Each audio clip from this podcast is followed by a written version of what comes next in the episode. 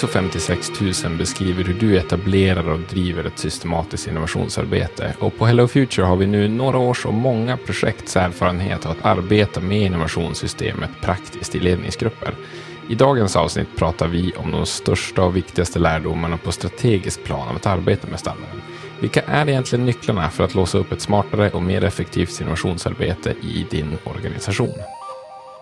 Då hälsar jag dig hjärtligt välkommen till ett nytt avsnitt av Transformationspodden. Podden som ju roterar konstant i vem som sitter på gäststolen, vem som sitter i programledarstolen och idag är det jag, Samuel Stenberg, som sitter här som programledare och det faktum att jag har med mig min eh, kollega och eh, vd på Hello Future, Leif, innebär att det här är lite så här back to basics, eftersom att det var vi som satt i det absolut första ja. eh, transformationspodden-avsnittet också. Så att eh, i, idag är det gammal skåpmat i podden, Leif. Just det. Ja, vi ska försöka fylla innehållet med lite nyare skåpmat, eh, tänker vi.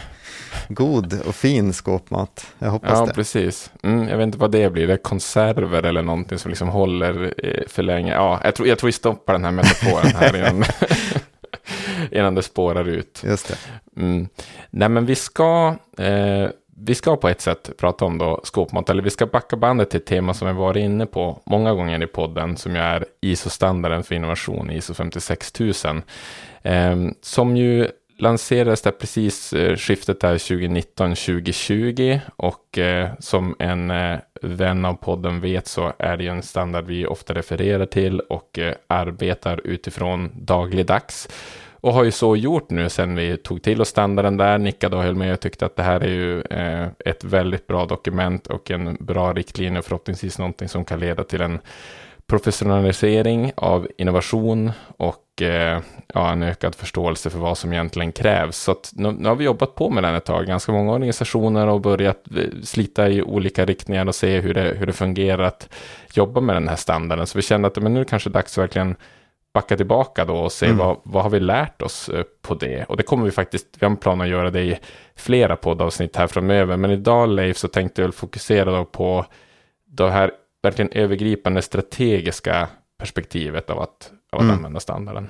Det finns ju många fördelar med en standard och en av dem är ju standarden försöker ja, såklart standardisera, nej men göra, göra yrket innovationsledare lite tydligare också. Så att mm. eh, det, det, finns liksom många poänger med den, men, men att man exempelvis då ska kunna jobba som innovationsledare i Sverige och i Spanien och det ska vara jämförbart. Man ska kunna liksom byta arbetsgivare och byta land till och med ändå kunna känna igen sig i liksom innovationsbegreppet och best practice på hur man kan jobba. Sen beskriver den ju det som vi ska prata mer om idag, då, liksom hur man hur, hur själva systemet ska se ut, hur, man ska, hur ledningssystemet för innovation ska se ut, så att det också ska kunna vara ja, men, professionaliserat och eh, standardiserat. Så det, ja, det, det är en mm. bra grej tycker vi. Ja, om det nu är så, sätter kontexten att det här poddavsnittet får fötter och det springer iväg och det är någon som lyssnar på det här som sitt allra första avsnitt av transformationspodden, då kanske man sitter och undrar, vänta, vänta här,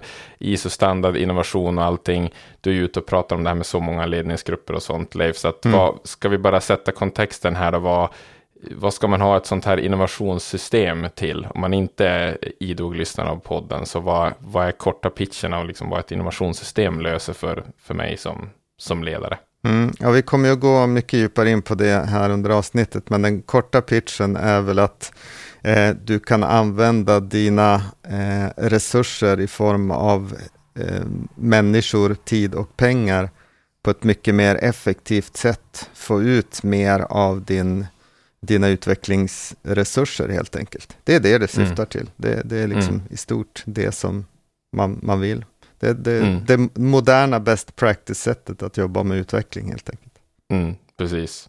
Och innovationsbegreppet är ju något som ja, vi, vi använder det här för att det, vi tycker att det är så fiffigt att det fångar in alla de här typerna av utvecklingsutmaningar och möjligheter som finns. Men vissa kommer in i det här märker vi och ser hur mycket de har en digitaliseringsutmaning tycker man. Eller mm. vi, nu har vi, måste göra en stor hållbarhetsomställning och så leder spåren fram till att okej, okay, då är det ett innovationssystem vi behöver. Även fast man tycker att digitalisering eller hållbarhet kanske är två ganska skilda utmaningar så är det ändå dit mm. spåren leder och därför det här innovationsbegreppet är så fiffigt att det handlar om att när vi måste göra någonting som är nytt eller mm. kraftigt förändrat så, ja, så handlar det om innovation.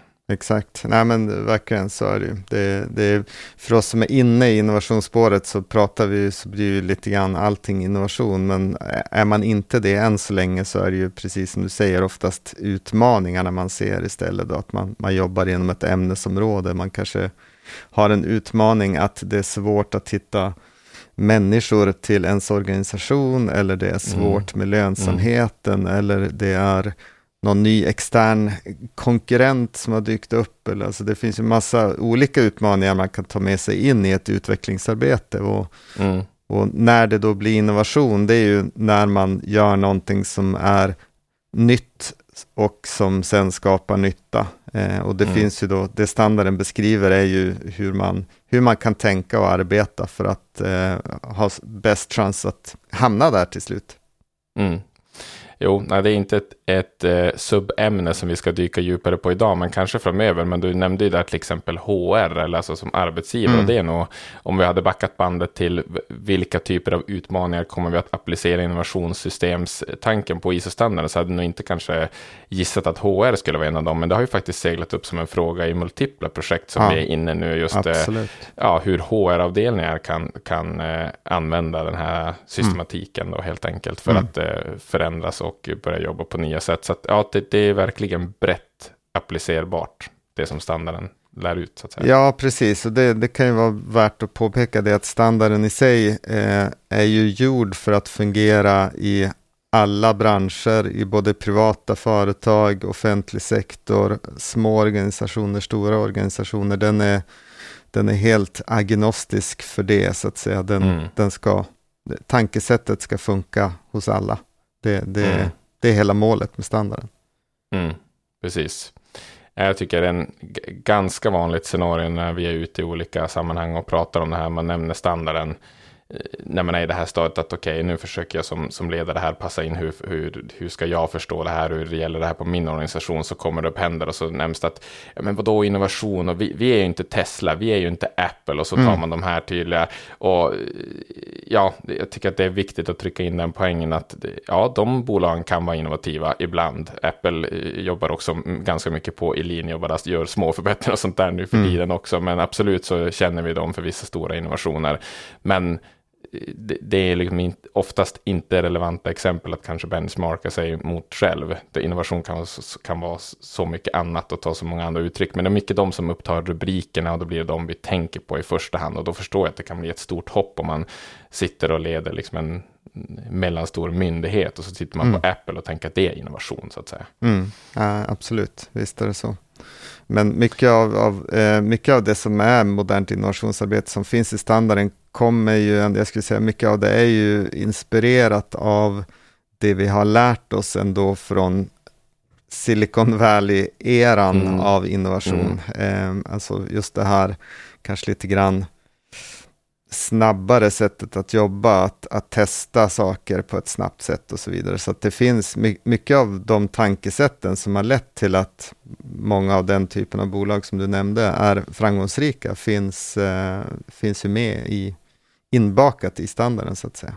Precis, precis. Så det är arbetssätten då, mm. och liksom de, de förutsättningarna, och det är det vi har som exporterat in då. Yes. Och det kanske leder oss in på den, när vi satte oss och planerade, men vad vill vi trycka på så var det gäller våra stora lärdomar, att vara ute och jobba med standarden och, och prata om den och försöka implementera den.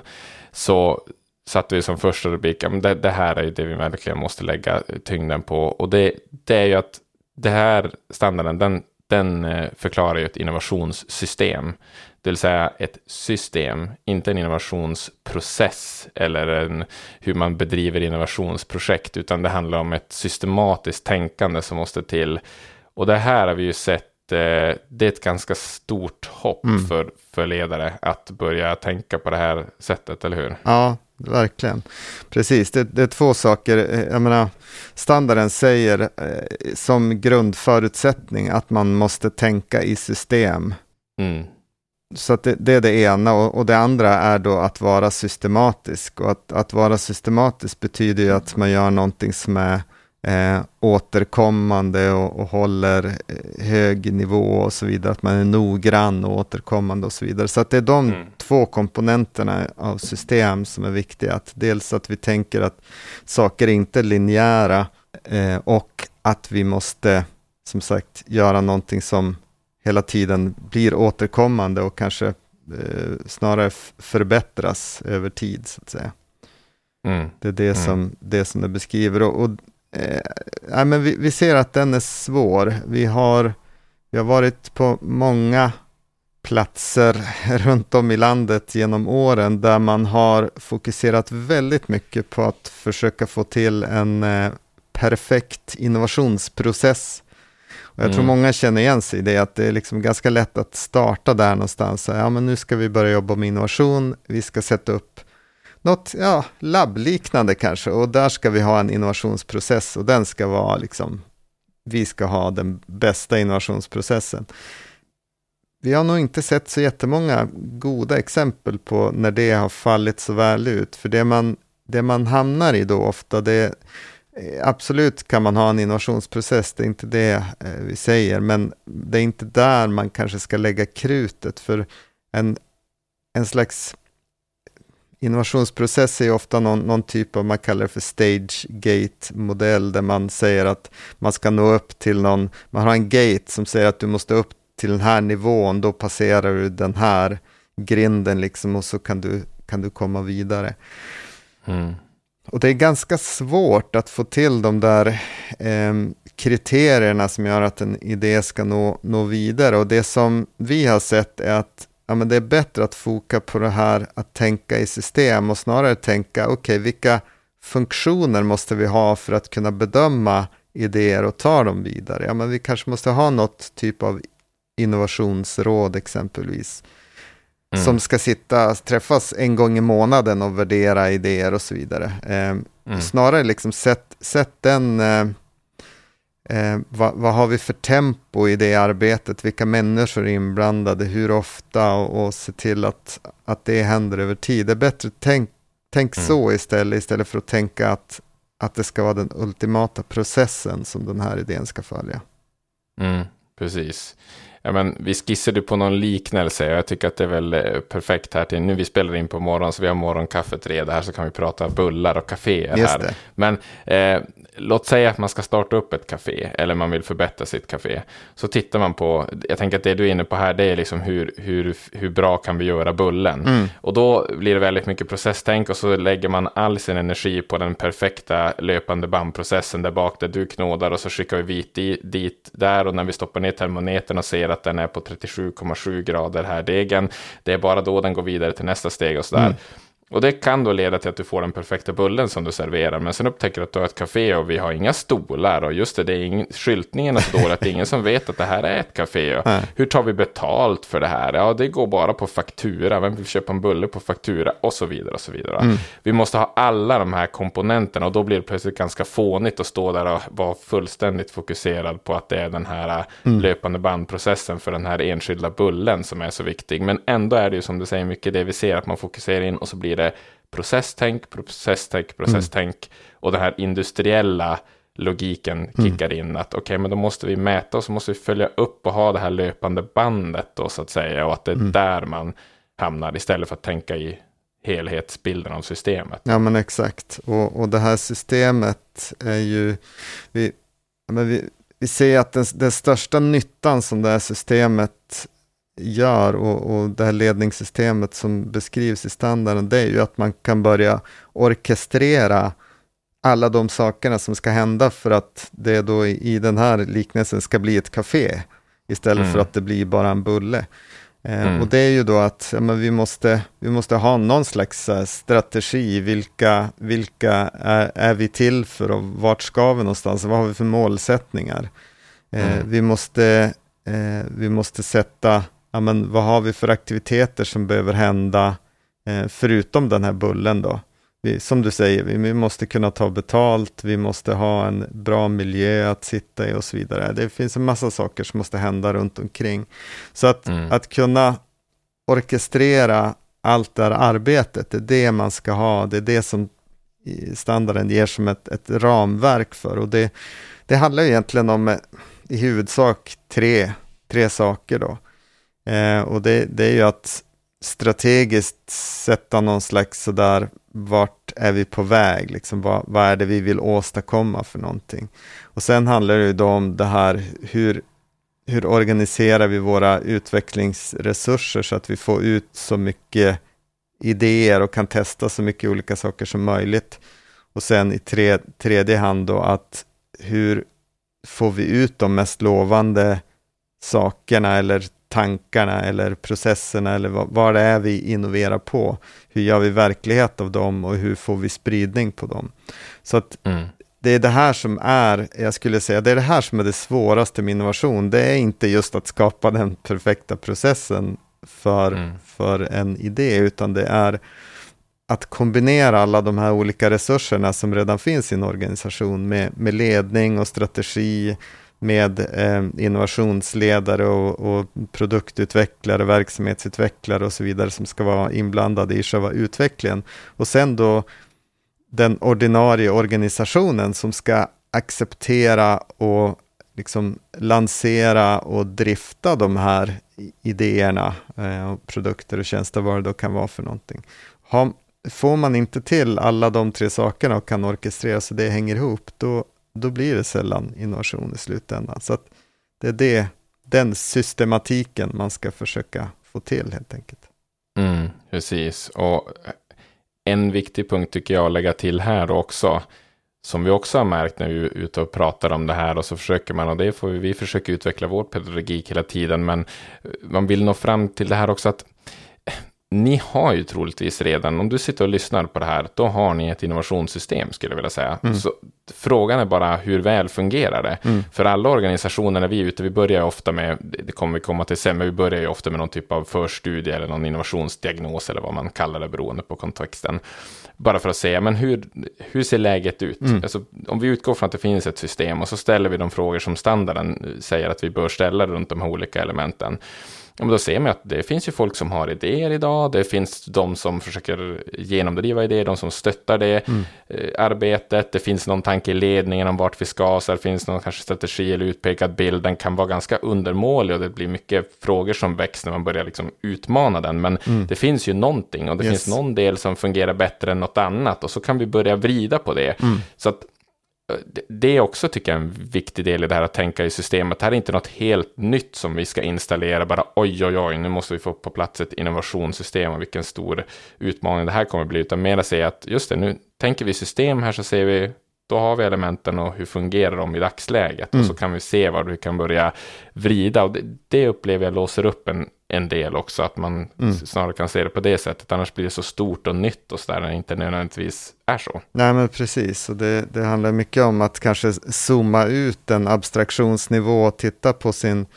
på sin organisation lite grann utifrån och se de här strategierna och visionerna vi har är de, är de kända där de behöver vara kända och, och hjälper de, de människorna att, att göra det här utvecklingsarbetet? Eh, hjälper mm. dem eh, till att prioritera vilka idéer vi ska ta vidare och så. Eh, och sen det här utvecklingsarbetet då, hur, hur, hur väl fungerar det och hur, hur duktiga är vi på att sen liksom att få med oss andra människor i organisationen på att testa och få acceptans på det här och så vidare. Så mm. det är ju precis som du säger, det är inte att vi ska, vi ska in med någonting helt nytt på sidan av allt vi gör idag, utan det här är ett, ett systemtänk vi ska applicera på hela, all den utveckling vi redan gör. Och alla gör ju någon, även om man kallas en förvaltning, så gör man ju utveckling. Alltså det, det finns mm. ju ingen som inte gör utveckling. Men man kallar det lite olika saker och, och eh, de flesta är ju vana, väldigt vana att göra någon typ av kvalitetsarbete eller affärsutveckling eller någonting sånt. Och det är, då är steget mm. inte så långt till att, ja, men om vi sätter det här i en systematik och gör det återkommande och tänker att det här ska hänga ihop, då kan vi också börja ta oss an lite svårare utmaningar som kanske gör att vi kan börja ta lite större kliv. Och, och då, är mm. vi, då är vi inne, verkligen inne i kärnan av, av innovation, så att säga. Mm, precis.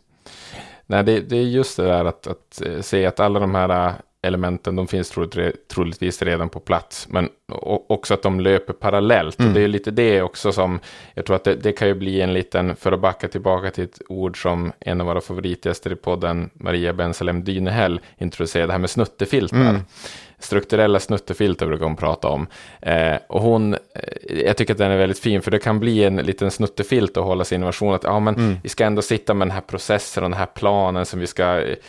Så det känns lite läskigt att vara ute och försöka utveckla och göra innovation, att spänna bågen mot mm. det så att säga. Så nu ska vi planera, planera och projekt tillsätta och göra alla de här sakerna. Och det, det kan bli en liten trygghet. Men det som systematiken säger och det som står rakt ut i standarden är ju att snarare parallellt implementera alla de här sakerna och liksom testköra. Mm. Det enda sättet att veta om kaféet fungerar det är liksom släppa på, vrida skylten till öppet mm. och så ser vi vad som händer. Aha, vänta nu, fler platser dit, okej, okay, det där, mm. folk är inte så nöjda med bullen, då vrider vi lite i processen, men den var god, men det var liksom, ja, så att det, man måste testköra och det är då man börjar lära sig och inte fastna i det här att planera, planera, för man kan, man kan inte planera fram innovation. Nej. Som du säger, har vi, vi, har noll bevis för att det går. Exakt. Om det är någon som har den perfekta planen eller processen, alltså hör av er. Alltså Samuel at hellofuture.se.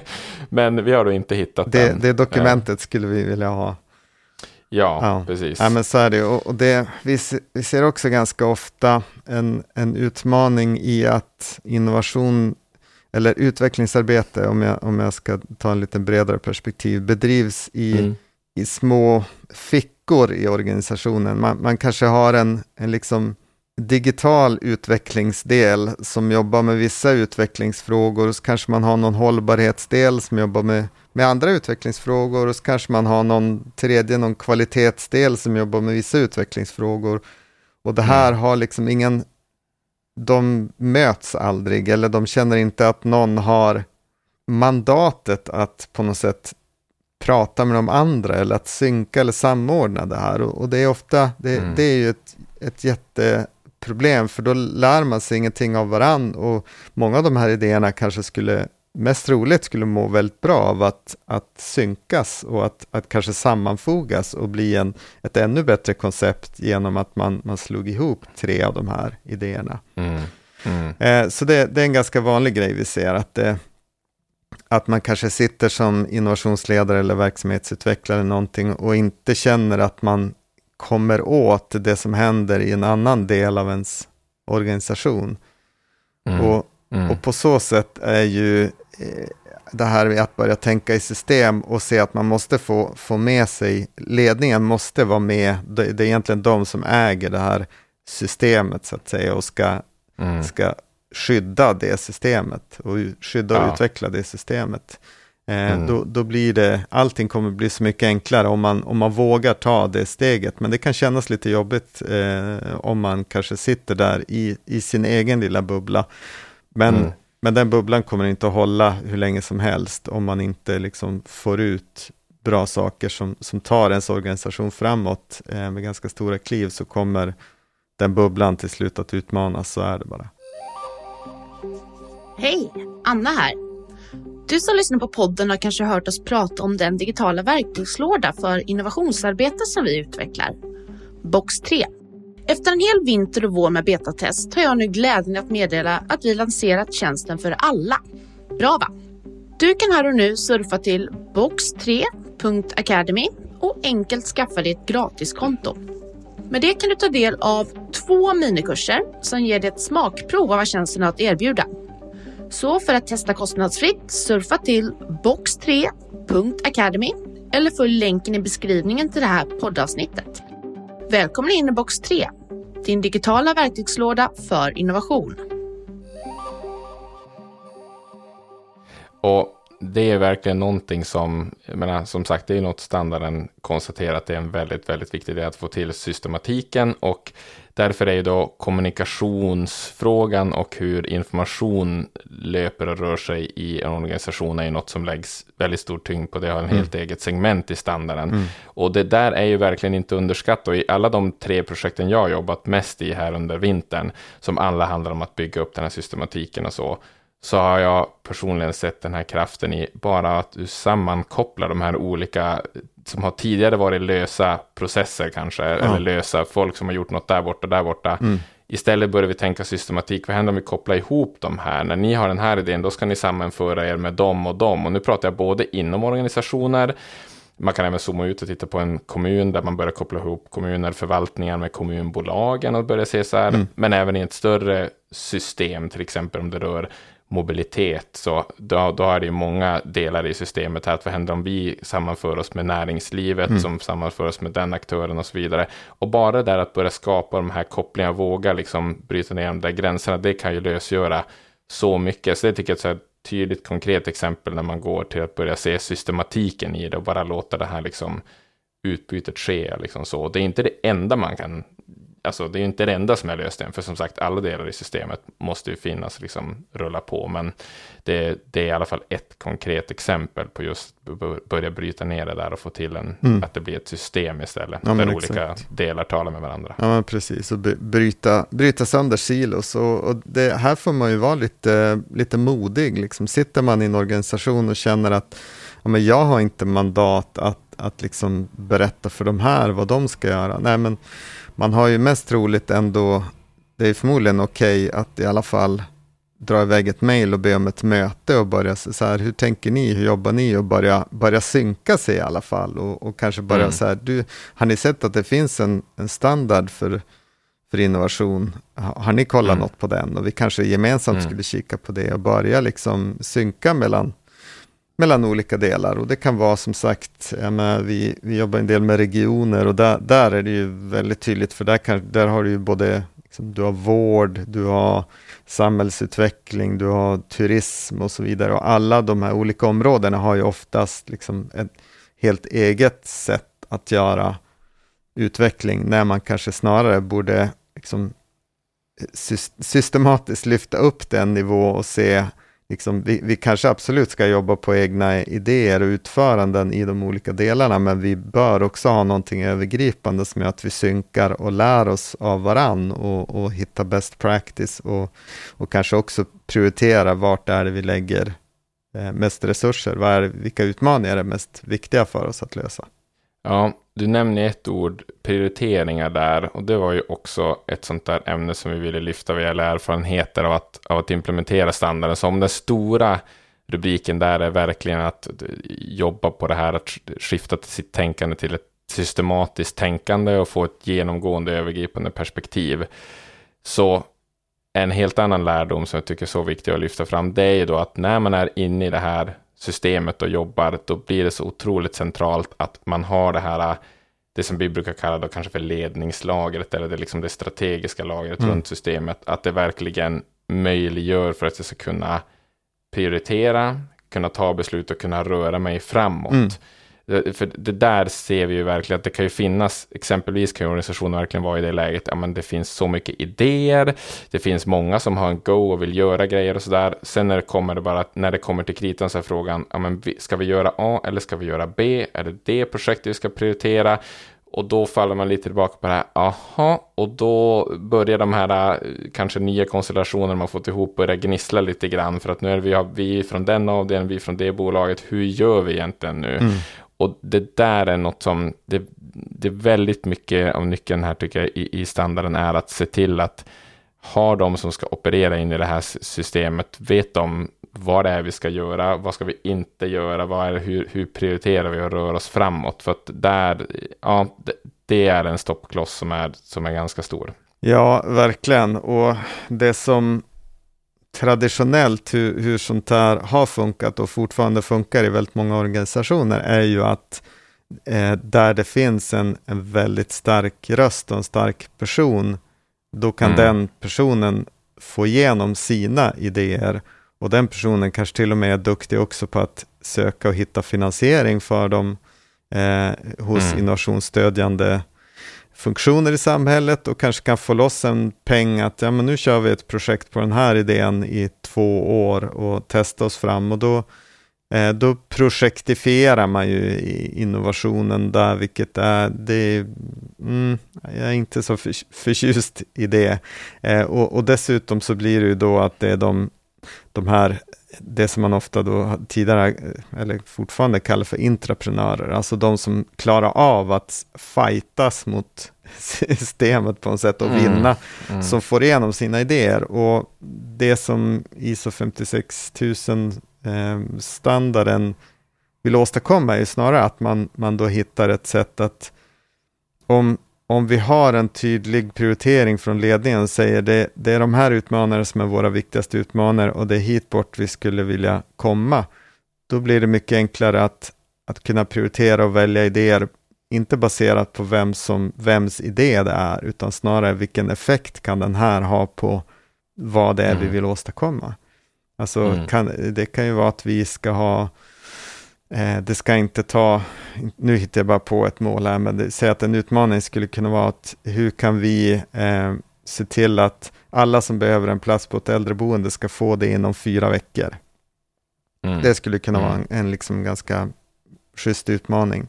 Och, och, det kan ju finnas tusen idéer för hur man löser det. Men då, mm. då bör man liksom prioritera vilka idéer man jobbar vidare med, då baserat på hur, hur man tror att de har en inverkan på den, liksom, den utmaningen som är då i så fall prioriterad i en strategi.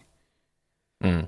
Snarare, snarare än att vem det är som kommer med idén och hur, hur liksom vilken position den personen har och, och hur bra mm. den är på att slåss mot eh, röd tejp.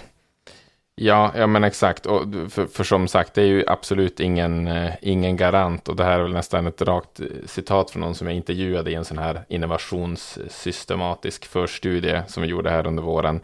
Eh, som, som pratar nu så här, ja, liksom, det, det, är ingen garant att vi, att vi gör rätt saker bara för att det händer en massa grejer och sånt här. För att det kan ju bara vara att det är starka personer mm. som sitter och drar i olika grejer. Så det här var liksom en rent uttalad känsla den personen hade, att vi gör nog kanske lite fel saker. Eller det, det känns som att det är väldigt det är eh, väldigt löst hur vi prioriterar, utan det, det bygger mer på vem orkar driva och liksom alla sådana här sakerna som, som du säger. Så det tror jag är en realitet som många känner igen sig i, att det blir mer personberoende eller det är liksom lite mera slumpen skördar just den kontexten som var då gjorde att just den här grejen gick igenom, men är det rätt sak att göra om man zoomar ut det här systematiska perspektivet. Men, men det, som också, det som också kommer in där är ju att som en aktör i ett innovationssystem, om du jobbar i det här som vi ibland kallar innovationsråd eller så, sitter och prioriterar de här idéerna och funderar på kanske ska vi ta vidare den eller den. Det, det, du nämnde ordet mod tidigare mm. och det är mycket det det kommer ner till. Att mm. det finns ju, det är ett mått av utforskande här. Vi kommer inte kunna kalkylera ner till att vi vet. Nej att det här är helt rätt sak att göra, utan vi måste ha modet att börja ta lite kliv. Så det är både som aktör inom systemet och där försöker vi pusha på och liksom ge de här verktygen för att ta de här första kliven och skapa det här modet. Eh, och samtidigt måste ledningen ha mod till att säga att ja, vi, vi, släpper det lite löst här. Det här är utmaningen som vi riktar emot. Mm. Eh, hur kan vi korta väntetiden till våra äldreboende till exempel? Men vi har inte sagt exakt hur det ska ske. Vi släpper det lite öppet. Vi låter er i innovationssystemet göra lite med de här prioriteringarna, mm. skapa den här rörelsefriheten så vi kan röra oss mot det. Så att det, det är ju då, man kommer aldrig veta innan på förhand om det här blir innovation eller inte, om det, om det här är rätt prioritering. Man Nej. kan skapa förutsättningar för det. Precis, Nej, men det, det är verkligen så. Eh, och, och det finns finns ju, man kan ju lyssna, vi har ju, vi har ju avsnitt i podden om just eh, portfolio, eh, portföljhantering. Eh, mm. Där vi har lite olika, det finns lite olika metoder hur man gör de här, kan värdera och poängsätta de här idéerna eh, när man jobbar mm. i ett mm. sånt här råd. Så att, mm. eh, lyssna gärna på det om ni, om ni blir nyfikna. Eh, för det kanske tar lite, lite lång tid att gå in på det här. Eh, mm. men, men det finns ju bra, bra sätt att kunna ge en poängsätta en idé och sen få ut en, en lista på vad, vad enligt våra kriterier vad är mest lovande här. Och det kanske tar oss in på lite sista huvudsakliga rubriken som vi ville lä lägga tyngd på här. Det är just att eh, även om vi nu pratar innovation, det är utforskande av saker, så är det också så att rent matematiskt så finns det mycket och som också talar för att jobba med innovation på ett systematiskt sätt. Mm. Och det här kommer ju lite ifrån att det säger väl också, jag vet inte vad du tänker Leif, men det är väl lite den här fortfarande kanske bilden av innovation som det är det här stora utforskandet och man häller liksom pengar i ett svart hål och du vet inte vad som kommer. Eller mm. det, det, finns ju en rädsla för att man bara, ja, att det, man häller ner pengar i ett svart hål så att säga. Och, men det, det känns som att det, det är lite förlegat synsätt egentligen. Jo. Eller... Ja, absolut. Det, finns, eh, jag skulle säga att eh, fortfarande så jobbar nog de allra flesta organisationer vi stöter på i alla fall enligt ett ganska förlegat sätt. Eh, och man har också ganska svårt, det, det, är ganska få som fortfarande förstår vad innovation är och vad skillnaden mellan innovation och R&D är exempelvis, eller innovation mm. och mm. affärsutveckling. Mm. Och det här gör att man kanske relativt ofta så, så kanske man sätter ihop något ganska stort projekt. Man jobbar länge med att söka finansiering på det och sen kör man projektet ganska länge och det blir mer av ett kanske R&D projekt där man på något sätt, ja, man, man kanske testar en tekniklösning under två års tid eh, och i slutändan kommer fram till att ja, men, nej, det var kanske ingen tekniklösningen kanske funkar, men det var ingen, det löste egentligen inget problem. Och det kunde man ha mm. kommit fram till med kanske liksom två veckors arbete istället för att göra det här mm. Eh, mm. projektet. Eh, mm. så att om man använder, om man eh, kanske inte har tid att djupdyka allt för mycket i det, men, men just den skillnaden när man jobbar med innovationsmetodik är att man snabbt vill testa bärigheten på idén. Man vill testa, mm. finns det en, en, liksom en acceptans för det här hos dem vi gör det för? Kommer de att, mm. att tycka att det här, om vi hade det här, skulle det vara bra för dem? Eh, det, mm. Den är ju jätteviktig och, och, det är ju oavsett om det är intern personal eller om det är kunder eller om det är medborgare eller vad det då kan vara så, så finns det ju oftast mm. människor inblandade i det. Och det andra är ju mm. då såklart den tekniska lösningen. Finns det teknik för det här redan idag eller måste utveckla något och hur långt bort är det och så vidare. Och det tredje är mm. ju så här, ja, men kan vi organisera någonting hållbart runt det här ekonomiskt och, och eh, människomässigt? Liksom måste vi ha support 24 timmar om dygnet, sju dagar i veckan, hela året, mm. så kanske vi inte, mm. liksom, det kanske vi inte fixar. Och då kanske idén mm. faller. Så att vi vill ju så mm. snabbt som möjligt ut, utreda dem. Det, det, är egentligen det som ISO-standarden och modernt innovationsarbete går ut på att snarare än att om vi har en utmaning att skapa en idé och så göra ett projekt, söka pengar från eh, innovationsstödsystemet och så genomföra en idé, så vill vi ju snarare när vi står inför en utmaning, ja men låt oss skapa 50 eller 100 idéer runt hur, hur vi skulle kunna lösa det här. Och sen mm. prioriterar vi dem utifrån liksom den här strategin, vart vi är på väg någonstans eh, och mm. vaska fram de kanske, säg tio bästa då. Och så gör vi mm. små tester på de idéerna och se hur, hur kan vi på något sätt validera om, om våra, ja, om, om man får använda ett fint ord, hypoteser, men, men liksom om våra tankar stämmer. Så att mm. vi, när vi väl går in i det här genomförande-modet, då ska vi vara mm. relativt säkra att gör vi bara, liksom, gör vi bara en, en bra implementation och få, får människor med oss och kan berätta om det här på ett bra sätt, då, då har vi en bra chans att det här kan funka.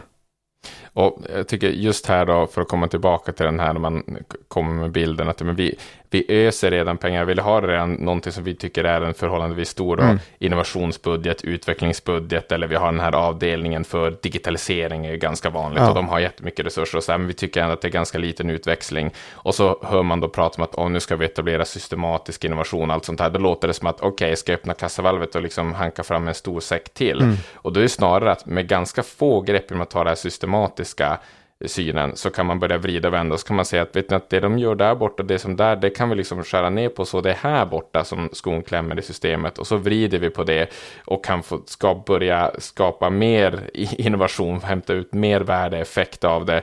För genom att nästan skära ner, omstrukturera, skapa bättre liksom system. Så att, och då menar jag inte skära ner att ta bort personer, utan säga bara att nu jobbar vi lite väl mycket på det där. Vi behöver några som snarare är här borta och stöttar upp den och den biten. Eller att vi utforskar fem idéer samtidigt och kan värdera dem på ett systematiskt sätt. Snarare än till exempel att nu springer alla på den där bollen som den där starka intraprenören är och drar mm. på. Så vet vi att det finns någon Vinnova-pengar någonstans. Men återigen systematiskt och strategiskt, är det rätt idé att springa på bara för det? Vi kanske måste sprida våra graser så att säga. Så att det, det, det behöver inte handla om någon stor satsning och att man ska spendera mer pengar, utan det är att vara systematisk och vara smartare. Mm.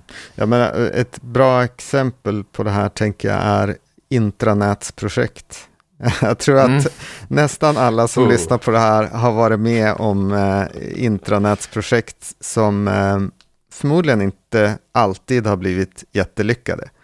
Men... Jag tror att du kan skicka lite kalla kårar där ute i Sverige. så vi, vi ber om ursäkt om det här. Eh, precis, om det skapar obehag. Men eh, så, så är det ju. Och ganska ofta har de kostat ganska mycket resurser i form av, av liksom arbetstid och pengar. Eh, mm. och, det man då istället skulle göra är ju att försöka formulera utmaningar. Va, vad är det liksom för utmaning vi har som gör att vi känner att vi behöver ha ett, ett bättre intranät? Är det liksom att vi ska, ja, men vi måste kunna kommunicera bättre mellan varann, mellan de här delarna i organisationen eller vad det kan vara?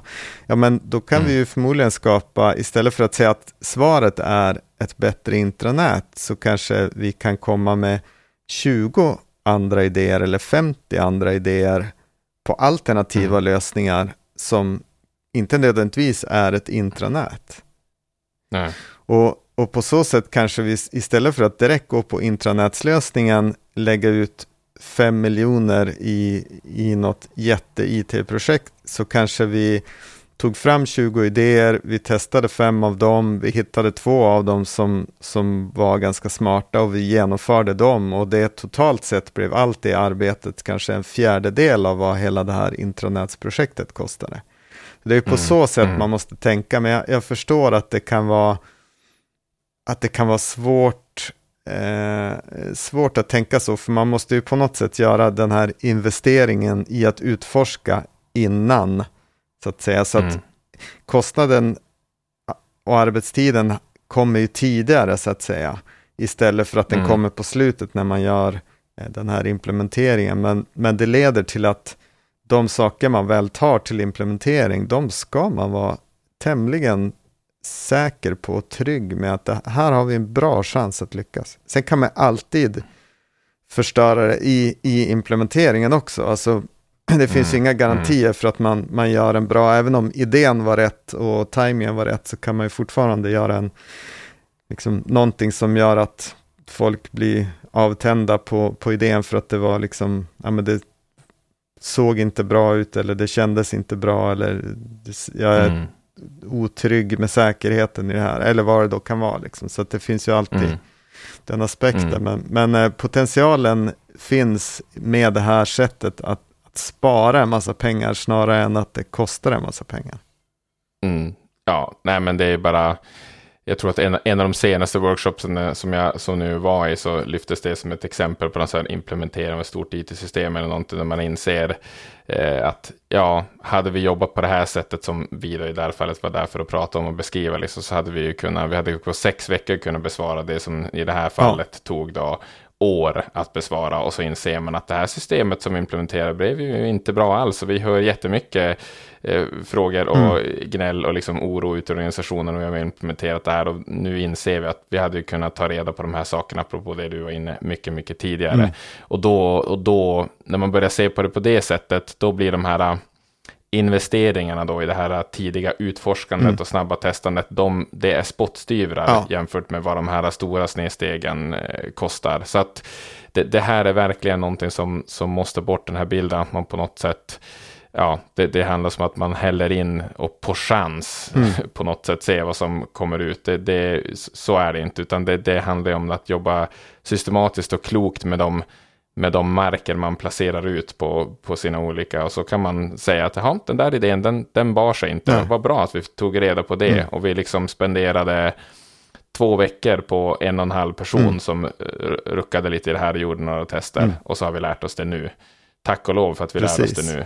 Och där har vi just sparat då 500 000 kan jag Mm. hitta på. Då. Mm. Eller betydligt, betydligt mycket Ja, betydligt mycket mer till och med. Ja, men exakt. Och det finns ju, jag vet att det är många som lyssnar på podden som, som jobbar i innovationsstödsystemet i landet. Och här skulle jag väl vilja, jag, ska inte säga att jag ska rikta en, en känga, jag höll på att säga det, men det är inte en känga. Men, men jag skulle nog vilja ändå att vi i Sverige tänkte till lite grann hur vi har format det innovationsstödsystemet. För Mm. jag kan tycka att det är lite för mycket fokus på det här att söka projekt och att få igenom ett projekt Mm. som ska genomföras under ett år eller två eller tre. Eh, och att de projekten, för att få de pengarna så måste du beskriva i stort sett exakt vad det är du ska göra och vad du ska nå för någonting. Eh, Mm. vilket gör att det är jättesvårt att i ett sånt att använda den typen av stödsystem och stödpengar till att göra utforskande. Så vi ska utforska tio olika idéer här och testa dem med metodik från ISO 56000 och så sen ser vi vad vi kommer fram till och så har vi lärt oss någonting. Du, det finns ingen Mm. som kommer att ge en spänn till det. Nej. Men kan du däremot säga, vi har en ny teknik här som vi tycker är jättespännande. Vi ska prova att eh, bygga den här tekniska lösningen för att lösa det här problemet. Ja, då har du mycket Mm. större chans att få. Du kan säga så här, så här, exakt de här resurserna ska vara med. Vi gör en tydlig projektplan, det ska vara klart här och det här är resultatet vi ska nå. Då kommer du att Mm. få mycket större chans att få de pengarna. Och, och då är vi Mm. ju, vi, vi, då är vi ju helt emot det som ISO 56000 säger att vi ska göra.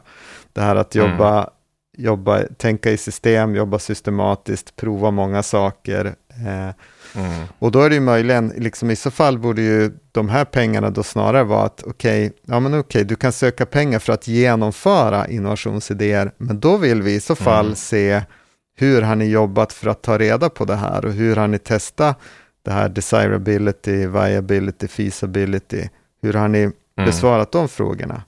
Det, det skulle Mm. jag kunna köpa om vi har ett sådant stödsystem som säger att här, här är Mm. för att genomföra innovationsidéer. Men, men då ska Mm. ni i ansökan bevisa att ni har jobbat på det här sättet för att ta reda på de här sakerna.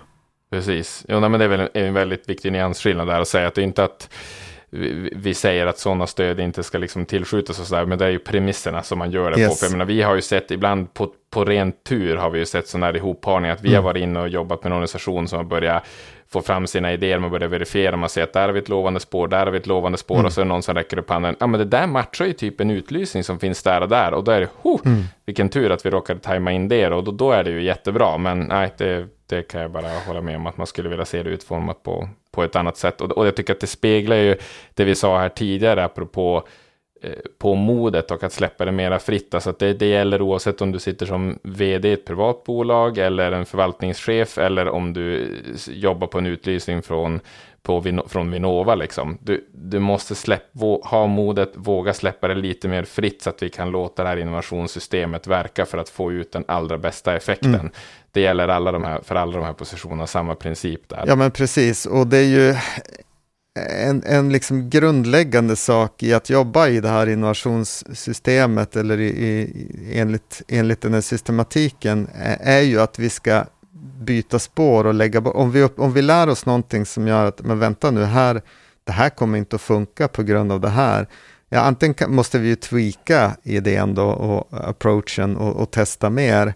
Eller så måste vi ju lägga bort den och säga att ja, men då lägger vi inget mer tid och resurser på den här. Och det är ju det här som är faran om du har liksom ett tvåårsprojekt med personal och tid och resurser och du har finansierat kanske några människor i din organisation som ska göra det här.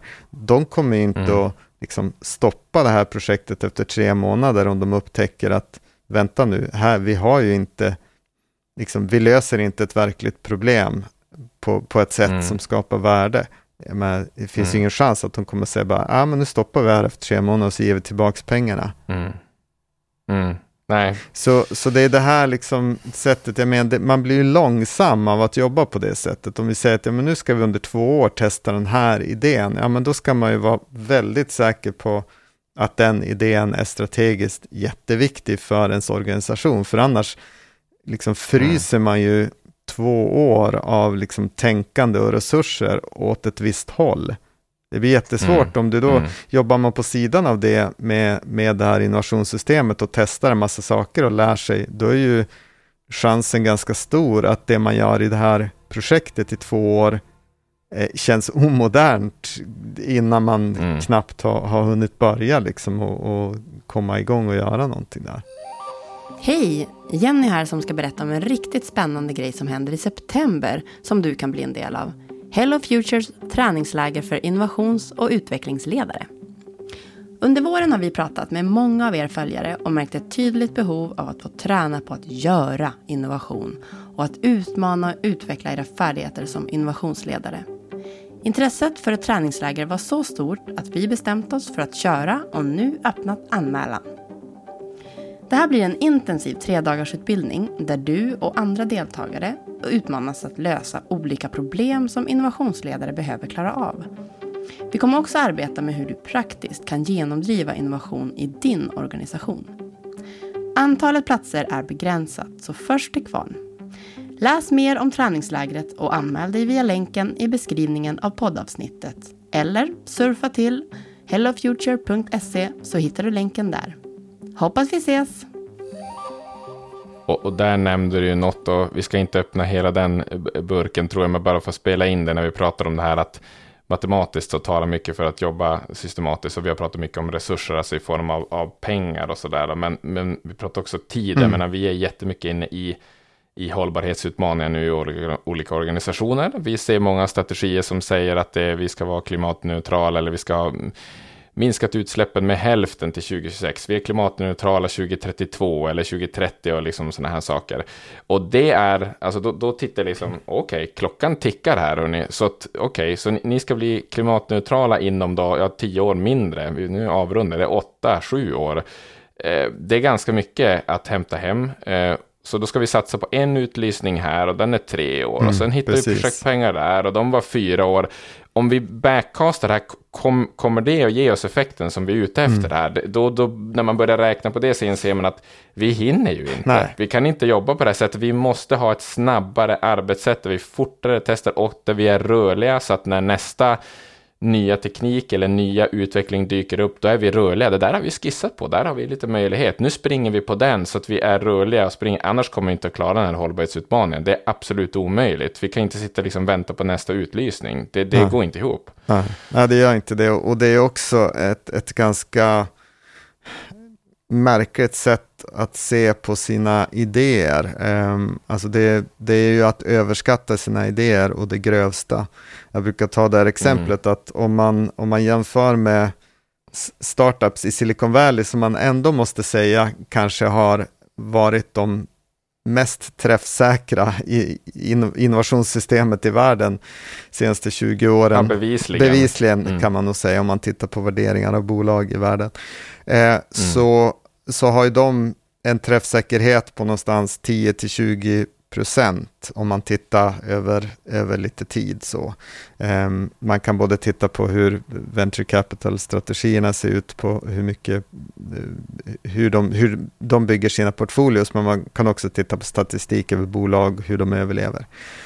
Uh, om mm. vi säger att vi är lika bra, eller kanske till och med lite bättre än dem, uh, så säger mm. vi att vi träffar då rätt med en av fem idéer.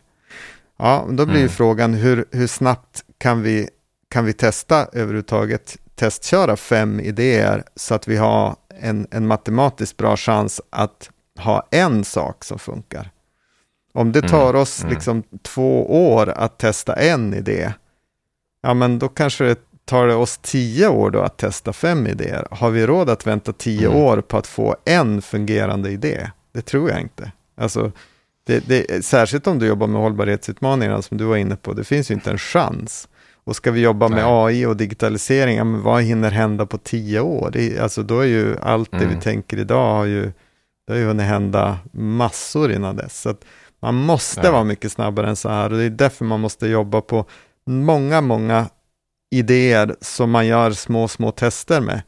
Och man kommer mm. upptäcka ganska ofta att det här är inte rätt just nu, eller tekniken för det här finns inte än, eller vi vet inte hur vi ska organisera oss här, men det finns något lovande. Och så kommer man lägga dem på liksom lite paus eller is och så. Och så kanske de, mm. jag menar, man kan ha kvar dem, för helt plötsligt kommer det något tekniskt genombrott och så funkar den idén. Mm. Men vi mm. måste bli mycket, mycket bättre på att jobba med många idéer. Det, det är liksom, matematiken talar för det, att liksom sannolikhetsmässigt så har vi inte råd att springa i ett håll i, i två, tre år och prova en idé, utan vi, vi måste kunna köra många, många, många fler parallella spår. Mm, precis, och jag skulle säga att det gäller oavsett hur säker du är på de här olika utvecklingsprojekten som ni har igång nu så kan man nog, kan man nog säga att det är inte tillräckligt säkert. Det är helt enkelt, man, man behöver, man behöver ha sido, liksom satsningar som man gör mm. många möjligheter som man utforskar för att det, det kan, vad som helst kan ske som förändrar förutsättningar. Så att det, sitter man säkert och tryggt med någon stor idé som man har bettat på så som sagt, då, då gäller det bara att fortsätta öka chansen för att man hittar nästa sån mm. idé och nästa sån idé. För liksom utvecklingsutmaningen kommer ju aldrig att stanna av. Vi kommer inte bli klara med det här. Vi måste hela tiden jobba för att bli rörligare och hitta nästa bättre idé hur vi kan röra oss framåt. Så ja, det, det, allt, allting talar för det och det, det ser vi ju kraften i också när, när den här systematiken börjar, börjar komma igång. Och man kan börja den här lättnaden när man sitter med en ledning som bara, men okej, så vi kan kanske bara avsluta den där och den där och så börja jobba så där istället. Och gud, oj, ja, ja men då, då gör vi det liksom. Ska vi bara, och, och det är, ja, det, det, det, det är alltid långt ifrån det här att liksom, oj, oj, oj, nu måste vi hälla mer resurser, vi måste satsa mer, utan bara, nu kan vi sitta här och bara rent av vara lite smartare mm. och börja avsluta och skapa ny, nytt utrymme för att göra mycket mer, men på ett, på ett smartare sätt och göra, göra mindre och utforska oss fram. Det, det tycker jag är häftigt att se när den när den paletten börjar trilla ner och den, den rörelsen sker. Verkligen, och det kan ju vara jätteskönt att kunna att, att ha saker på plats som gör att man kan prioritera bort saker. Det är ju väldigt ja. skönt att kunna se mm. att okej, okay, ja, men det där kanske är en bra idé, men den är inte för oss. För den ligger Nej. inte i linje med vad vi står för eller vart vi är på väg eller vad det då kan vara. Mm. Så att den, den lägger vi i liksom nej-lådan. Ja men vad skönt. Mm. Annars kanske det här skulle kunna se ut som en jättebra idé som vi hade sprungit på i, i tre år och, och försökt mm. eh, gnetat med oss. Den hade bara dragit oss åt helt fel håll. Ja, nej, men vi har varit mycket inne på olika viktiga lärdomar här av, av det vi har eh, sett när vi är ute och pratar innovationssystem, etablera och kicka igång de här systemen. Och vi har nämnt det lite grann och vi tänkte väl landa i just att man, om man känner att det här känns stort och det är mycket olika håll att ta i det, så det vi väl ser som den absolut bästa startpunkten om man inte riktigt ännu har fått till det här systematiska tänket, men du kanske känner utifrån det här samtalet att mm, vi har nog en del att, att vrida på här. Då säger vi att en väldigt bra startpunkt är helt enkelt bara att ta på sig det här mindsetet att okej, okay, vi säger så här, vi har ett system idag, frågan är hur funkar mm. det och vad ska vi börja titta, var ska vi börja vrida? Så att vi har ju verkligen hittat en kraft i den här någon sorts innovationsdiagnos eller att göra någon sorts förstudie och börja titta vad ute i organisationen, prata lär av det som ISO-standarden säger, de här olika elementen som behöver finnas på plats. Hur fungerar de mm. idag? Och så börja hämta hem insikter och lyssna in organisationen, hur det här fungerar. Givetvis kan ju du som sitter i ledning också säkert bedöma de här sakerna, men ta med organisationens perspektiv och lyssna in och se hur det verkligen ser mm. ut. Var har vi våra var har vi våra knutar som vi måste börja lösa upp ur det här systematiska perspektivet. Mm. Och då kan man hitta ganska, ganska snabba, enkla vinnare. Det kan handla om att oj, nu, nu accelererar vi lite här bara av att den, den personen börjar prata med den eller mejla ihop dem där. Nu kopplade vi ihop två desperata delar där mm. och så mm. började det hända någonting. Mm. Eh, så att eh, det, det, är verkligen kraftfullt att bara börja titta på det utifrån det här, det här systematiska perspektivet mm. och börja se var, var har vi, var klämmer idag.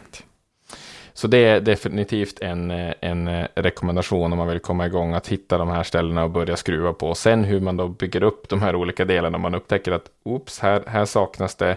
Där ser vi ju en, en sak som ofta saknas är ju den här visionen, riktigen. Mm. Det har vi ett avsnitt som ni kan scrolla bakom bara en liten bit i vårt flöde i början av året som där vi ju ser ofta man behöver eh, investera tid i att hitta den här riktningen och vart vi ska med ett innovationssystem mm. är väl eh, tämligen vanligt att man upptäcker att det är där, där blinkar det rött i systemet så att säga. Ja, precis. Den är oftast lite för vag så att den, så att den inte hjälper oss att välja bort. Och, och en, en, strategi Exakt. ska ju hjälpa oss att välja bort och prioritera några få saker.